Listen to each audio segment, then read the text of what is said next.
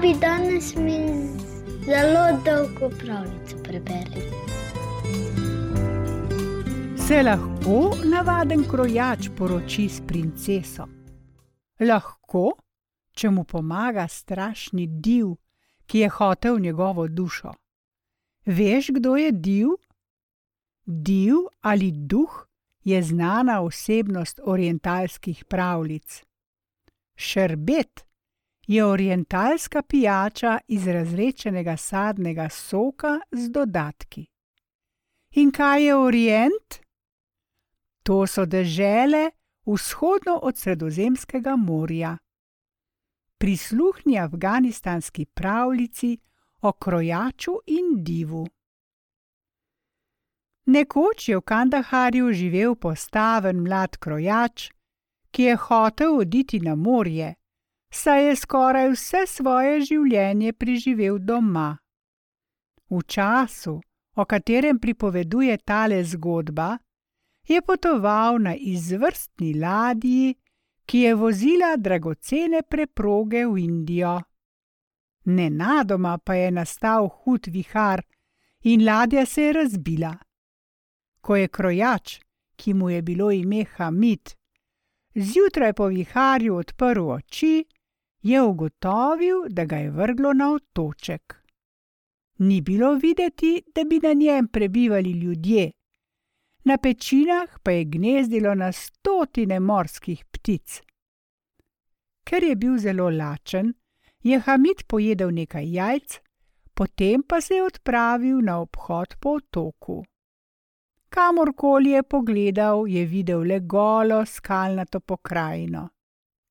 Začel je grebsti s prsti po mlakuži v kamniti kotanji, kajti zazdelo se mu je, da je videl v njej si svetlobe. In ven je potegnil nekaj, kar je bilo podobno veliki školki. Odprl jo je. Ves začuden je zagledal majhno kot palec veliko bitje. To pa je začelo rasti, postajalo je iz trenutka v trenutek večje. Školka mu je padla iz rok, tedaj pa mu je v ušesih močno zašumelo, in pred seboj je zagledal velikanskega diva. Izgledal je kot okostnjak, oblečen v belo, skoraj prosojno blago.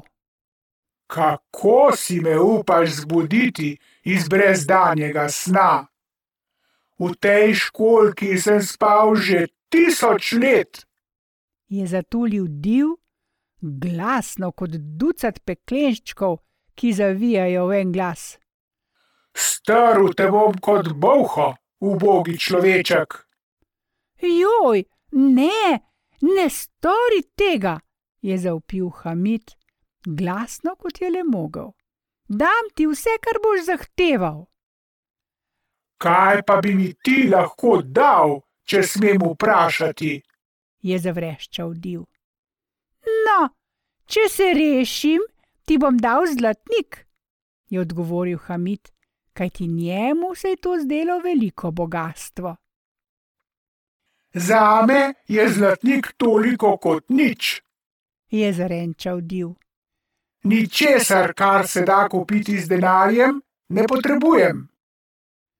Kaj pa potem hočeš od mene? je vprašal Hamid. Tvojo dušo, je odvrnil div. Kaj ti jaz sem svojo izgubil že dolgo, dolgo tega. Če mi jo daš, lahko mirno odideš. Dam ti jo, kakor hitro se rešim od tu, je rekel Hamid. Vedel je namreč, da mu div ne more oduzeti duše s silo, saj mu jo je lahko dal le prostovoljno, samo od sebe. Naj bo, je rekel div nejevoljno. Tule prihaja ladja, ukrcaj se na njo in narediva konec temu prerekanju. Hamid se je tako vznemiril, da je vstal in začel mahati z rokami ter skakati gor in dol po skalovju. Na diva je povsem pozabil. Ta pa se je naredil nevidnega, kaj ti mornari so z ladje videli Hamidova znamenja, slišali so njegove klice na pomoč in s čovnom pripluli do otoka. Vsa posadka se je zgrnila okrog Hamida. Mornari so ga spraševali, kaj se mu je zgodilo. Njegova zgodba se jim je zdela prava pustolovščina. Hamid ni omenjal diva, ker se je bal, da bi se mu smejali. Nevidni div pa je nameraval slediti Hamidu, kamorkoli bo ta šel, saj je bil odločen, da se polasti njegove duše. Ladja, ki ga je rešila, je Hamida odložila v najbližjem pristanišču. Hotev si je čim prej poiskati delo, saj je ostal brez vsega, krojaštvo pa je bil edini poklic, ki ga je znal opravljati. Z vsega nekaj kovanci v žepu, ki jih je zanj zbrala posadka ladje, se je potikal po pristaniškem mestu in iskal priložnosti, da bi šel spet nazaj na morje. Na ključje pa je hotelo, da se je prav takrat z potovanja po Indiji vračala kraljeva hčerka. Bila je na obisku pri sestri. Ko je princesa ravno vstopala v zavešeno nosilnico, ji je na tla padla zlata denarnica. Črni sužnji so zavihteli držala nosilnice z mlado gospodarico na svoja močna ramena in odšli, pri tem pa se je dvignil prah, ki je prekril denarnico. Tako se je zgodilo, da je Hamid s prstom noge nekam zadev, pogledal dol in videl, da se v prahu nekaj svetlika. Pobral je lepo zlato denarnico obračal jo je v rokah, ravno tedaj pa jo je prišla iskat ena princesinih služabnic. Ko jo je zagledala pri njem, je vzkliknila: Tat, tat, kako si drzneš ukrasti denarnico, ki pripada kraljevi hčerki? Tako jo daj nazaj, stražarji te bodo za tole spravili v ječo. In ker so ravno tedaj pritekli stražarji, je pokazala na Hamida, češ, da je ukradel zlato denarnico njene gospodarice. Ubogi krojač je za manj zatrjeval, da je nedolžen. Zgrabili so ga, odpeljali v ječo in ga vrgli v majhno celico z enim samim okencem. Minevali so dnevi, jesti pa so mu dajali le kruha in vode, tako da je kmalo zelo shujšal in postal vzbled. Nekaj noči pa, ko ni mogel spati in je sedel na tleh svoje celice ter premišljeval, kaj bo z njim, se je pred njim pojavil div. Prevaral si me, je zaupil. Rekel si, da mi boš dal svojo dušo, ko se boš rešil. Zdaj si pa na to pozabil, kaj? Poglej se, kakšen si. Kaj, ko bi mi dal dušo, dokler to še lahko storiš, saj si že skoraj na smrt se stradan. Mar ti lahko duša sploh še kaj koristi? Hamid se je globoko zamislil. Duši se še nekaj časa ni nameraval odpovedati. Upal je, da se bo pokazala priložnost, ko bo lahko na sodišču pred sodnikom dokazal svojo nedolžnost. Dal ti bom dušo tistega dne, ko se poročim s kraljevo hčerko, je rekel, in se tako skušal znebiti diva vsaj za nekaj časa. Poroka s kraljevo hčerko je bila zadnja stvar na svetu, ki bi se lahko zgodila, saj je vendar sedel v ječi, obdolžen, da je okradel njeno veličanstvo. Prav, naj bo, je nestrpno rekel Div, ki je v resnici imel nekaj čarovnih moči. Pomagal ti bom, od tebe pa pričakujem, da mi boš dal dušo v zameno za vse težave, ki si mi jih povzročil, ker si me zbudil iz dolgega, dolgega sna. Tedaj je ječar z venketajočimi ključi odklenil vrata Hamidove male, zatohle celice, div pa se je naredil nevidnega.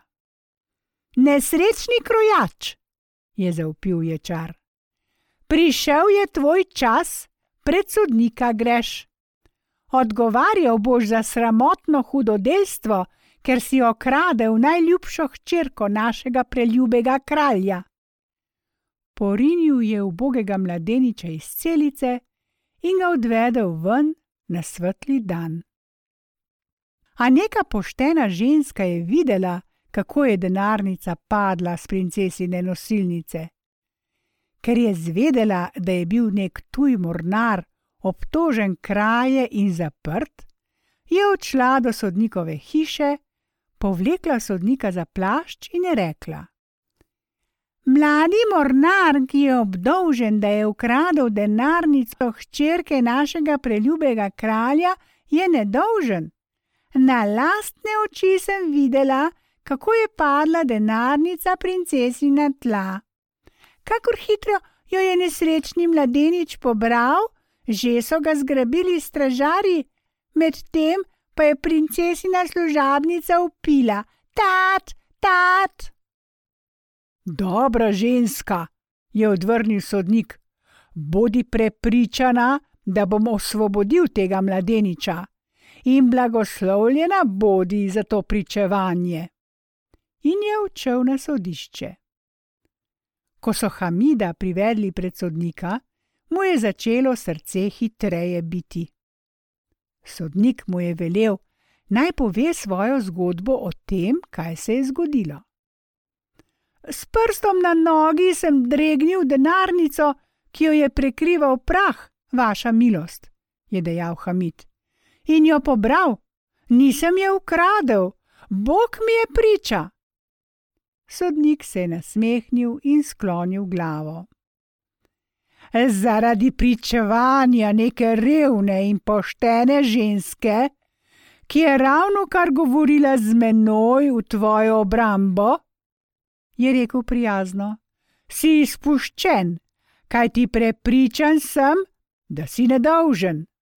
Pojdi v miru, dali ti bomo nekaj denarja, da si boš lahko z njim pomagal na poti. In Hamid je bil spet vesel. Napotil se je v čajno hišo, da bi ob skodelici čaja proslavil vrnjeno svobodo a komaj je zapustil sodišče, že mu je v uho spregovoril div. Poskrbel sem, da so te izpustili, zdaj pa se pomujaj za kak posel na kraljevem dvoru. Se menda nisi pozabil, da si mi obljubil svojo dušo, kakor hitro se poročiš s kraljevo hčerko. Ne bom večno čakal. Hamid se je strinjal, a ker je vedel, da na dvoru ne more delati kot krojač, je odšel v kraljevo kuhinjo in se zaposlil kot pomivalec posode. Ker je dobro delal, je čez čas napredoval v kuhinjskega pomočnika in kmalu postal strežaj pri kraljevih pojedinah. Postopoma se je uspenjal po lesti uspeha, dokler ni postal točaj šerbeta pri samem kralju. K temu pa je precej pripomogel ravno div, ki se je včasih prikazal in uporabil svoj čarovni vpliv. Ni več daleč trenutek, haha, ko te bo sprijela princesa.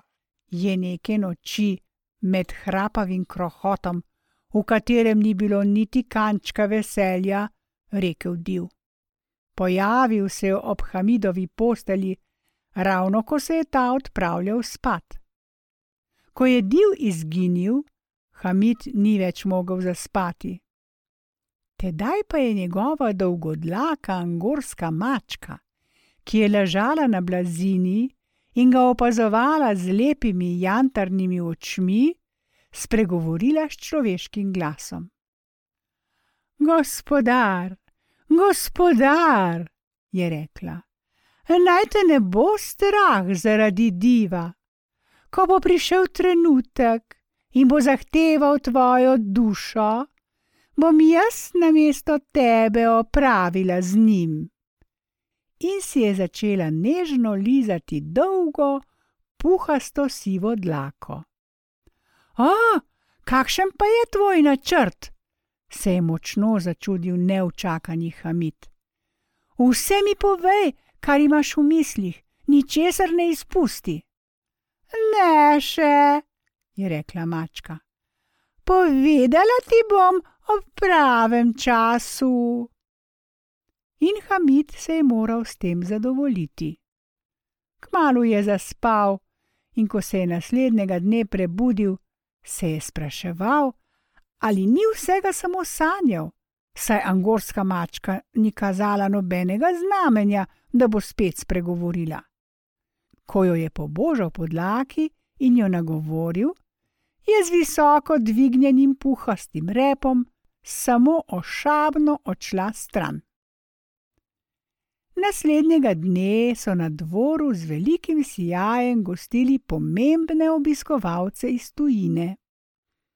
Hamid je stregel v žametni tuniki in svilenih hlačah, ki si jih je naredil sam, takoj ko je dobil plačo.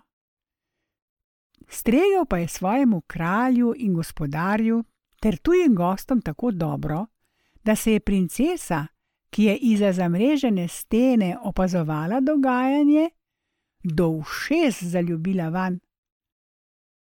Svojo staro dojiljo je naslednjega dne poslala k kralju, svojemu očetu, naj mu pove, da se hoče poročiti z mladim točajem šerbeta in z nikomer drugim na vsem svetu. Kralj se je hudo zneje volil. Ukazal je velikemu vezirju, naj se pametno pogovori z njo in ji pove, da se princesa kraljevske krvi nikakor ne more poročiti s preprostim točajem šerbeta, pa če je še tako lep. A koma je veliki vezir to povedal princesi, že je padla pred njegovimi nogami v nezavest. Noben kraljevi zdravnik je ni mogel obuditi, čeprav so poskušali z vsemi zdravili pod soncem. Videti je bilo, kot da je njeno stanje brezupno in neozdravljivo. Hamid o tem ni vedel ničesar. Sedel je v svojem stanovanju in božal dlako angorske mačke z jantarnimi očmi, tedaj pa se je pred njim pojavil div in rekel: Hamid, tvoj čas prihaja, kmalo boš kraljev zet. Ne pozabi na obljubo. In je resko, zmagoslavno kriknil ter izginil. Zdaj je čas, da spet spregovorim, dragi gospodar, je rekla mačka s človeškim glasom. Kmalu boš poročen s princeso, saj je div uporabil za to svojo čarovno moč. On seveda vidi v tem samo svojo korist. Ti pa ga prosi, naj dokaže čarovniško spretnost in se spremeni v miš. Ostalo prepusti meni.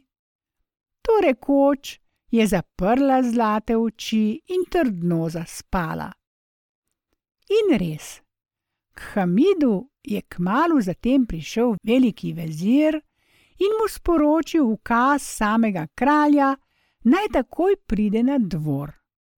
Hamid je bil zelo presenečen. Sledil je velikemu vezirju v prestolno dvorano, kjer je na alabastrnem prestolu v svečanih oblačilih sedel kralj. Na svilenem divanu sredi dvorane je ležala princesa, kraljeva najljubša hči, v globoki nezavesti, kot da je mrtva. Dvorjani so v širokem krogu stali okrog divana in na njihovih obrazih je ležala žalost. Vsi najbolj učeni zdravniki na dvoru so za manj poskušali zbuditi mojo hčerko, je rekel kralj, ko je Hamid prišel in se poklonil pred prestolom. Če jo lahko ti zbudiš iz tega čudnega sna, dobiš njeno roko in pol kraljestva. Sicer pa boš v hudih mukah izgubil življenje, saj sem slišal, da je omedlela prav zaradi tebe. Vaše kraljevo veličanstvo, je zgrožen zaupil Hamid in se vrgel kralju pred noge. Prisegam, da sem princeso videl samo takrat, ko ji je na obrežju padla na tla zlata denarnica, potem pa nikoli več. Kako bi torej lahko izgubila zavest zaradi mene? Ne drzni se prerekati s kraljem, je zaupil stari, sivobradi, veliki vezir in pri tem udaril Hamida s palico, posuto z dragulji. Saj nam je princesa sama povedala, da se hoče poročiti s tabo in ne bo pustila, da bi jo dali za ženo komorkoli drugemu. Hamid je vstal in se približal lepi, bledi princesi, ki je ležala na divanu, vsi v dvorani pa so zrli van kot jastrebi. Pogledal je princesin speči obraz in se dotaknil njenih obrvi s konicami prstov. V istem hipu pa je princesa odprla mandljeve oči in sedla po konci. Ko pa je videla, da jo opazuje Hamid in še ves dvor po vrhu, se je v trenutku zakrila stančico, vstala z divana in stopila k očetu kralju, ki ga je premagalo veselje. Vzemi mojo hčerko, zaslužiš si njeno roko, je rekel kralj. Tako sta se Hamid in princesa poročila, in v deželi je zavladalo veliko veselje. Nenadoma pa je začelo Hamidov v šesih hrumeti, na to pa je jasno in glasno zaslišal divov glas. Zahtevam tvojo dušo, kajti zdaj si poročen s kraljevo hčerko. Ahamid se je spomnil besed angorske mačke in dejal: Pridi v moje zasebne prostore, da se pogovoriva. Daj mi dušo, niti trenutka več ne morem čakati, je zaupil div ki je lebdel v zraku in bulil v Hamida z zariplimi očmi. Za vse tole sem poskrbel s svojimi čarobnimi močmi, samo zato, da mi boš danes dal svojo dušo. S čarovničnimi močmi se je zasmejal Hamid, saj mu je angorska mačka povedala, kaj naj reče. S kakšnimi čarovnimi močmi? Vse, kar se mi je pripetilo, mi je bilo usvojeno. Pa dokaži, da imaš čarovne moči, če moreš. Nič lažjega, je revsknil div. Lahko se spremenim v karkoli pod soncem, rečem ti v karkoli. Samo reci in bom to storil. A, se lahko spremeniš v miš? A, ne, prepričan sem, da se ne moreš je rekel Hamid. Umiš, umiš, pa saj to ni nič, to naredim še preden prišteješ do dve. In rečeno, storjeno. Div je izginil, po tleh pa je v krogih tekala miška. V tistem trenutku pa je siva mačka, ki se je skrivala za zaveso, skočila na plan in požrla miš in Hamid se je glasno zasmejal, saj je vedel, da je končno svoboden. Z divom je konec, gospodar, je tedaj rekla mačka s človeškim glasom in počasi zaprla jantarne oči. Strašnega diva ni nikoli več nihče videl.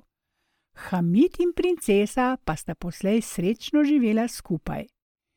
In ko je kralj ki ni imel sina, umrl, je Hamid postal njegov naslednik. Pod njegovo modro vladavino so se vsi deli kraljestva zedinili v miru in blagostanju.